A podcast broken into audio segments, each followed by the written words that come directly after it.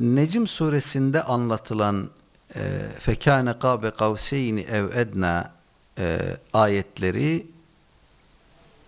çoğu zaman yanlış olarak Cenab-ı Hak'la Aleyhisselatü Vesselam Efendimiz arasındaki bir yakınlaşma olarak anlatılır, ifade edilir. Bu büyük bir hatadır. Sümme dena fetedella fekâne kâbe kavseyni ev edna sonra yaklaştı ve sarktı aralarındaki mesafe iki yay aralığı ya da daha yakın oldu. Ayetlerinin anlattığı durum Cenab-ı Hak'la Efendimiz arasındaki mesafesel yaklaşmayı anlatmıyor. Nüzul sebebi rivayetlerinden de biliyoruz ki Aleyhisselatü Vesselam Efendimiz e, Cibril Aleyhisselam'a Hira Dağı'ndayken kendisini asli suretinde göstermesini istemişti bir seferinde. Cebrail aleyhisselam e, bütün batı ufkunu kaplayacak şekilde asli suretiyle göründü ona. Efendimiz buyurdu ki o zaman 600 tane kanadı vardı Cibril'in ve bütün batı ufkunu doldurmuştu.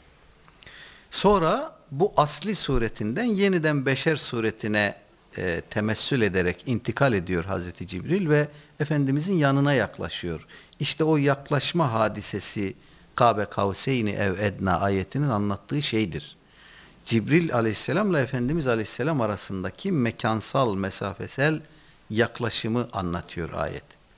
Yoksa aleyhissalatü vesselam Efendimiz miraca yükselmekle Cenab-ı Hakk'ın yakınına mesafe olarak, mekan olarak onun yakınına gitmedi. Böyle bir yolculuk olmaz. Cenab-ı Hakk'a mekansal olarak yaklaşılmaz.